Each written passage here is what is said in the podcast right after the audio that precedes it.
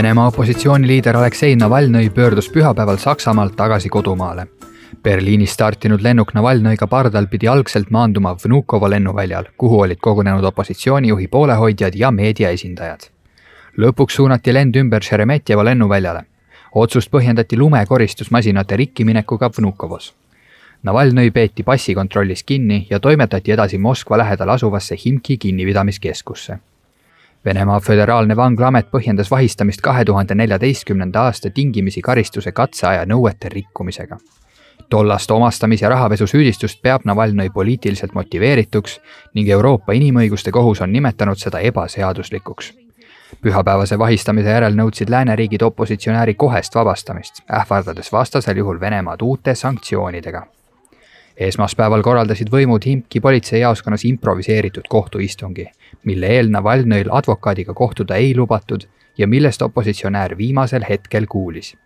režiim otsustas Navalnõi kuni viieteistkümnenda veebruarini vahi alla jätta. Navalnõi ja tema liitlased nimetasid istungit ja otsust farsiks. veel kutsus opositsiooniliider venemaalasi tänavatele protestima Navalnõi toimetati augustis Venemaalt Omskist Saksamaale Berliini ravile pärast seda, kui Venemaa eriteenistused püüdsid teda tappa närvimürgiga Novitšok. taastumise järel teatas ta möödunud nädalal oma kavatsusest Venemaale naasta. räägime Navalnõi juhtumist täna veidi pikemalt ja olen külla palunud eh, kodanikuaktivisti Euroopa Algatuste Keskuse juhataja Jevgeni Kristofovitši, tere. tere no alustaks sellest, et mis alustel äh, Navalnõi üldse kinni peeti või vahistati, et närvimürgirünnakust taastumine ei tohiks isegi Venemaa seaduste kohaselt ju kuritegu olla, aga paistab, et just selle eest teda praegu karistatakse. Paistab jah, sellepärast et äh, seda protseduurilist poolt keegi eriti nagu aru ei saa, et mis täpselt seal toimub, sest äh, kogu see vahistamisprotsess, mis järgnes tema naasmisele Moskvasse, oli noh, niivõrd Äh, sürreaalne, et äh, ametlik põhjus, nii nagu äh, siis Vene ametkonnad seda siiani meile avaldanud on, on selles, et siis Navalnõi, kellel on kehtiv kriminaalkaristus, siis hoidub kõrvale talle kehtestatud režiimi, režiimi normide täitmisest et äh, ta mm, siis süstemaatiliselt nende versiooni järgi siis ei ole ennast äh, registreerinud äh, oma siis kriminaalhooldusametniku juures. jah, seda oli raske teha, kui ta oli mürgitatud ja siis teadvuseta haiglas, siis esmaspäeval siis toimunud see niinimetatud kohtuprotsessil siis tema kaitsjad soovisid lisada toimikusse ka Berliinist saadud äh, ja kiiresti neile saadetud siis äh, tõendi, saksakeelse tõendi muidugi, äh, kus on kirjas, et Navalnõi oli siis Charité haiglas ja selgus, et või tähendab noh, see siis nagu riiklik esindaja siis oli vastu, sellepärast et tõend on äh, saksakeelne ja siis kohus ka ei arvestanud seda, sest äh, kohtupidamise keel on Vene Föderatsioonis vene keel ja, ja siis nemad ei saa aru, mis seal saksa keeles üldse kirjas. mingi какие-то немецкие буквы on tüüpiline nagu vene vastus ja siis äh, Äh, noh, see on, see, see kõik loomulikult nagu kõlab äh, äh, täiesti, vabandust väljenduse eest, ikkagi idiootselt ja siis kogu see kohtuprotsess, mis toimus selles miilitsajaoskonnas, kuhu siis toimetati kõrval, kõrvalmajas asuvast kohtust siis selle vaese kohtuniku. ja siis, kes pidi nagu kogu seda tsirkust seal lavastama ja siis, aga noh, mis võib-olla nagu kõige paremini iseloomustab kogu seda protsessi, et äh, selles ruumis, selles miilitsa või politseijaoskonna äh, ruumis, kus äh, see nõndanimetatud kohtuprotsess toimus, et see kohe ja niimoodi Navalnõi pea kohal oli Genrich Jagoda portree, et see on isik, kes on Gulagi looja. et noh, ma siis välisvaatlejad olid kõik nagu šokeeritud sellest, et see põhimõtteliselt nagu situatsioon oleks sama, et praegu näiteks kuskil Berliini politseijaoskonnas oleks Henry Himmleri nagu portree ja siis, ja siis pikk tekst tema seoses nagu Saksa politsei ajalooga. näiteks, et see oleks nagu no mõeldamatu, aga Venemaal on täiesti, täiesti normaalne protsess, et seal noh, lihtsalt Vene politsei ajalugu nii nüüd alates sellest Jagodost kuni siis praeguse ministri Kolokoltsevini täiesti, täiesti uskumatu. ja siis noh, seetõttu on väga paljud kommentaatorid, kaasa arvatud siin Eestis, ütlesid, et see ei saa lihtsalt äh, olla mittetaotluslik, et lihtsalt nagu keegi soovib seda niivõrd nagu diskrediteerida. et no absoluutselt igale inimesele oleks täiesti selge, et see kõik on äh, tavaline, tavaline tsirkus. ja no siiamaani on nad tõepoolest nagu seda eesmärgi saavutanud no aga miks ta üldse Saksamaalt otsustas Venemaale minna, mis teda sinna ajas, selles mõttes, et äh, tal oleks olnud oluliselt turvalisem, vähemalt loogika ütleks, et tal oleks olnud turvalisem jääda Saksamaale ja olla siis eksiilis seal? see on väga hea küsimus, sellepärast et ma ei arva, et Saksamaa või Suurbritannia on Vene positsionääridele selline turvaline paik, et loomulikult noh, Navalnõi ei ole Putin, et äh, ta ei ole nagu see isik, kes nagu istuks punkeris, et äh, no nii palju äh,, nii palju, kui ma teda tunnen, see absoluutselt ei ole noh, äh, temale ka isiklikult kuidagi vastuvõetav ja siis, ja ta on opositsioonipoliitik ja siis äh, ta on üldse nagu poliitik number kaks Venemaal, et see on täiesti selge täna, et nagu rohkem seal poliitikuid ei ole, et neid ongi kaks et äh, see on väga spetsiifiline situatsioon. Äh, äh, no ega Vene ajaloos ei ole, ei ole väga tihti nagu sellist asja nagu üldse juhtunud, et see, et see oleks täpselt nagu praegu, praegu siin ja kui Navalnõi oleks jäänud Saksamaale, siis kindlasti oleks ta noh, kui mitte unustatud, eks ole, aga siis noh, tema Mm, no mingi mõjuvõim, eks ole, ja siis äh, võimalused äh, kuidagi suunata protsesse Venemaale, eriti praegu sel aastal, kui toimuvad äh, riigiduuma valimised, oleksid kindlasti väga-väga piiratud, et siin me saame seda võrrelda näiteks Hodorkovski juhtumiga. Hodorkovski kindlasti oli nagu noh, enne Navalnõit Vene nagu poliitilises äh,, poliitilisel maastikul on üldse nagu see enne Navalnõid ja pärast Navalnõid, et äh, see on, see on ka nagu väga huvitav situatsioon, aga, aga enne Navalnõid kindlasti peamine oponent äh, Putinile oli Mihhail Hodorkovski. Mihhail Hodorkovski on täna Londonis, Mihhail Hodorkovskil on justkui nagu kõik organisatsioonid olemas, mis Venemaal tegutsevad äh,. väga tugev võrgustik, mis on võrdväärne äh, tegelikult nende Navalnõi staabidega aga, aga no päris kindlasti, et ta ei ole nagu see võimalik presidendikandidaat, et ja keegi, keegi ei arva niimoodi temast no Kreml sattus ka omamoodi raskesse seisu, et Navalnõi kinnipidamine, vahistamine näitas justkui jõudu, nad pidid seda tegema. samas on see näide jälle opositsiooni mahasurumisest, mittereageerimine olnuks siis võib-olla nõrkuse märk Putini jaoks nüüd tuleb vist otsustada, et mida Navalnõiga edasi teha, mis valikud neil laual on? Äh, jah, et äh, see on tõesti nagu väga raske, sest, äh, sest noh, midagi midagi ei jää nagu märkamatuks, et kõik, kogu maailm vaatab, et mis praegu Navalnõiga toimub, et see on CNN-i esiuudis, on kõikide, kõikide välis väljaannete jaoks nagu absoluutne nagu esiuudis äh, täna koroona ajastul isegi. sest, äh, sest kõik saavad aru, et noh, mingid suured protsessid praegu Venemaal toimumas. ja, ja siis ja, ja ka Venemaal äh, kõik teavad, mis toimub, et tavaliselt oli niimoodi, et äh, kõik need Navalnõi seiklused ja üldse ütleme, need opositsiooni tegemised, et sellest teadsid noh, need, kuidas ma nüüd ütlen, et äh,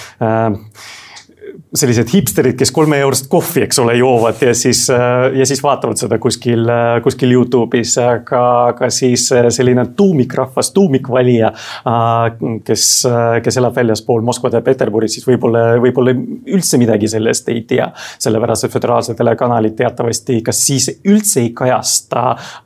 siis Navalnõiga seotud uudiseid või teevad seda äärmiselt negatiivses toonis. praegu nad, nad ei saa üldse mitte kajastada, nad on hüsteerilised sealt äh, üritavad teda mustata, aga noh, see vastuefekt ka töötab. sest äh, noh, praegusel võimul on väga suur antireiting, tegelik aga kui palju see trall ja tants Navalnõi ümber kahjustab Vladimir Putinit ja tema režiimi? ta kindlasti kahjustab, sest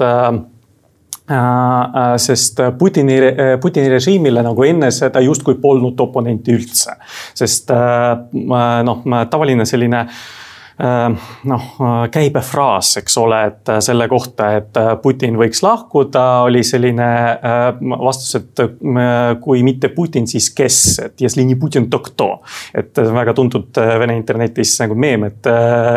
если не Putin, то kot ja siis sellised kassimeemid, et, et kindlasti leidub, eks ole, et suur riik, et on, on, on inimesi, kes kvalifitseeruksid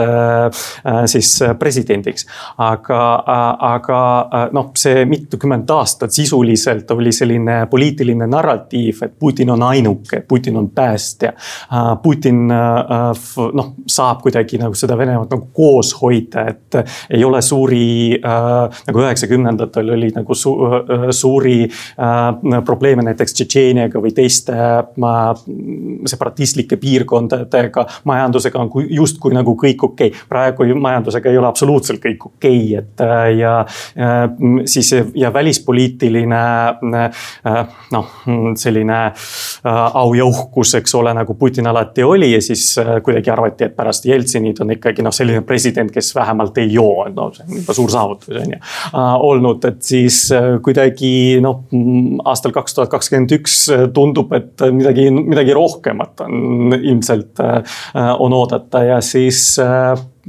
ja siis Putin enam ei vasta nendele ootustele, aga narratiivid on kõik, kõik vanad ja nüüd, äh, nüüd on selline, äh, selline situatsioon, kus selline blogija lihtsalt, et tundmatu blogija, et Navalnõi kohta alati räägiti nüüd föderaalsetel tele, telekanalitel just sellise sõnapaariga, et tundmatu blogija. et siis tal on selline mõjuvõim, et tema pärast siis pannakse kõik lennuväljad kinni, et siis inimesed, äh, tuhanded inimesed tulevad äh, talle vastu äh, ja siis osalevad meeleavaldustel tema toetuseks. ja siis kogu maailm temast räägib. Mm, väga huvitav situatsioon ja seda ei ole enam võimalik internetiajastul, seda ei ole võimalik kuidagi hoida niimoodi fookusest väljas no nii Sergei Skripali kui ka nüüd Navalnõi äh, mürgitamised Novitšokiga on tekitanud küsimusi, et eriteenistustel on ju kahtlemata Novitšokist oluliselt mm. Äh, efektiivsemaid meetodeid, kasvõi vana hea Makarov, mis äh, noh, justkui siis lahendab nende probleemi, et miks nad plekerdavad selle Novitšokiga, on sellel mingisugune kindel kaalutlus?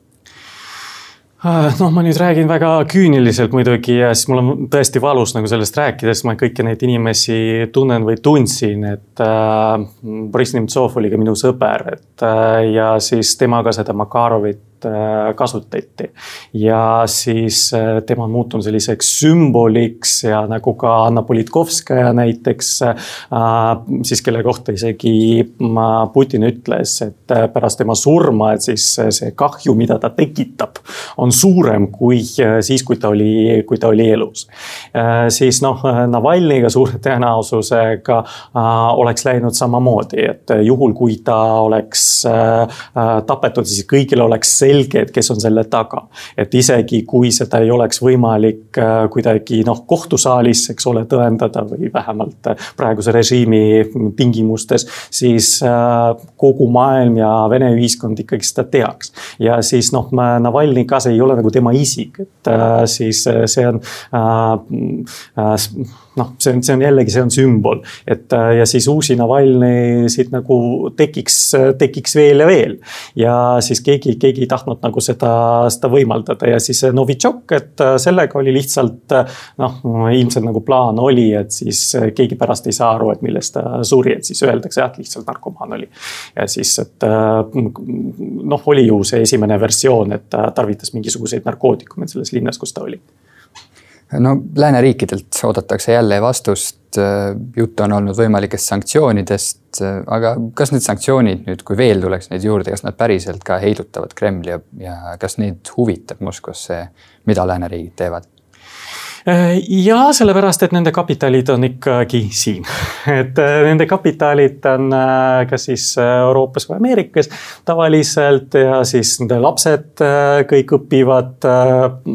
meie ülikoolides, et ja need isiklikud sanktsioonid päris, päris kindlasti noh, neid inimesi, kes Putiniga seotud on, ka teda ise kindlasti, kindlasti mõjutavad. Ja siis nad mõjutavad ka Vene majandust, et siis noh, jah, et noh, mõnedes sanktsioonides võivad kasutada saanud ka siis tavalised vene inimesed, kes ei ole milleski justkui süüdi. aga ma noh, selline, selline olukord praegu lihtsalt on, et, et me peame kuidagi nagu sellele reageerima ja kuidagi survestama just režiimi. ja siis noh, need, need võimalused on meil päris kindlasti olemas. lisaks, eks ole, et noh, kui antibiootikumid on olemas, siis ka probiootikumid peavad olema, et äh, siis me peame rohkem, äh, ilmselt ka Eesti, et äh, peame rohkem toetama neid samu aktiviste ja inimesi, kes satuvad repressioonide alla. Inimõiguslasi, juriste, kes kaitsevad neid inimesi, kes näiteks vahistatud on, et siin paar päeva tagasi jälle Peterburis oli suur-suur meeleavaldus, et kus nagu kümned inimesed ka vahistatud ja mõned neist on ka Eestiga seotud, et äh, me peame olema valmis äh, äh, selleks, et neid operatiivselt ka aidata. täpselt samamoodi nagu oli Valgevenega ja nagu on siiamaani Valgevenega aga suurte meeleavalduste või isegi rahutuste võimalus, kas näete seda? Navalnõi kutsus inimesi üles tänavatele tulema jah, ja siis eh, need on samasugused, eh, see on samasugune seltskond eh, nagu, nagu Valgevenes, et nad on, et nemad ei lähe kohe riigi, riigiduumasse nende sarvedega, eks ole, ja siis kõnepulte varastama. et need suured, suure tõenäosusega seisavad viisakalt nagu plakatitega, et Putin uhadi ja siis neil on, neil on selline selline retoorika, aga äh, see, et äh, nüüd laupäeval ilmselt Äh, siis kõikides suurtes keskustes Venemaal toimuvad Navalnõi staabi poolt juba organiseeritud meeleavaldused Aleksei Navalnõi toetuseks ja siis toetusavaldused ka üle maailma. selles, selles ma olen täiesti kindel. kui palju inimesi jälle tuleb ja siis praegu nagu koroona ajastul see ei pruugi olla väga ähm, noh, väga ohutu, et noh, inimesed on lihtsalt sellises situatsioonis neil ei ole muud valikut, kui ainult nagu riskida isegi oma tervisega. aga ma usun, et, ma usun, et tuleb väga palju inimesi, et vaadates lihtsalt seda pilti, mis oli Vnukovo lennujaamas ja pärast Šeremetjevo lennujaamas. Siis, et kui palju on tulnud sinna, et nad teadsid täpselt, millega nad riskivad. Sest noh, see, need lennuväljad olid kõik nagu politsei poolt ümber piiratud, aga inimesed ikkagi olid seal. siis ma ei usu, et, et nad kardaksid no kui see teema kokku võtta, siis kuidas mulje on, kas Navalnõi võtab ise üldse tõsiselt seda võimalust, et ta võiks ühel päeval olla Venemaa president või üritab ta üldisemalt eh, nii-öelda pinda ette valmistada selleks, et ühel päeval võiks kõlada ka hääl, mis ei kuulu vaid Putini kambale? no äh, minu isiklik veendumus on see ka mm, kõlab praegu noh, väga karmilt, aga kui Navalnõi jääb ellu, siis ma olen täiesti kindel, et tema on järgmine Venemaa riigipea. Ja siis äh, seda saab aru nii tema ise kui ka siis äh, kogu nii-öelda Venemaa opositsioon, et äh, ja Venemaa ühiskond, et nemad juba noh, võtavad Navalnõi kui seda poliitikut number kaks ja siis, kui poliitik number üks üldse enam ei sobi. ja siis üldse mingit võimalust ei ole, et ta nagu selles noh, sellisel moel jätkaks, siis mingit muud varianti kui Aleksei Navalnõi lihtsalt ei ole. Suur aitäh selle vestluse eest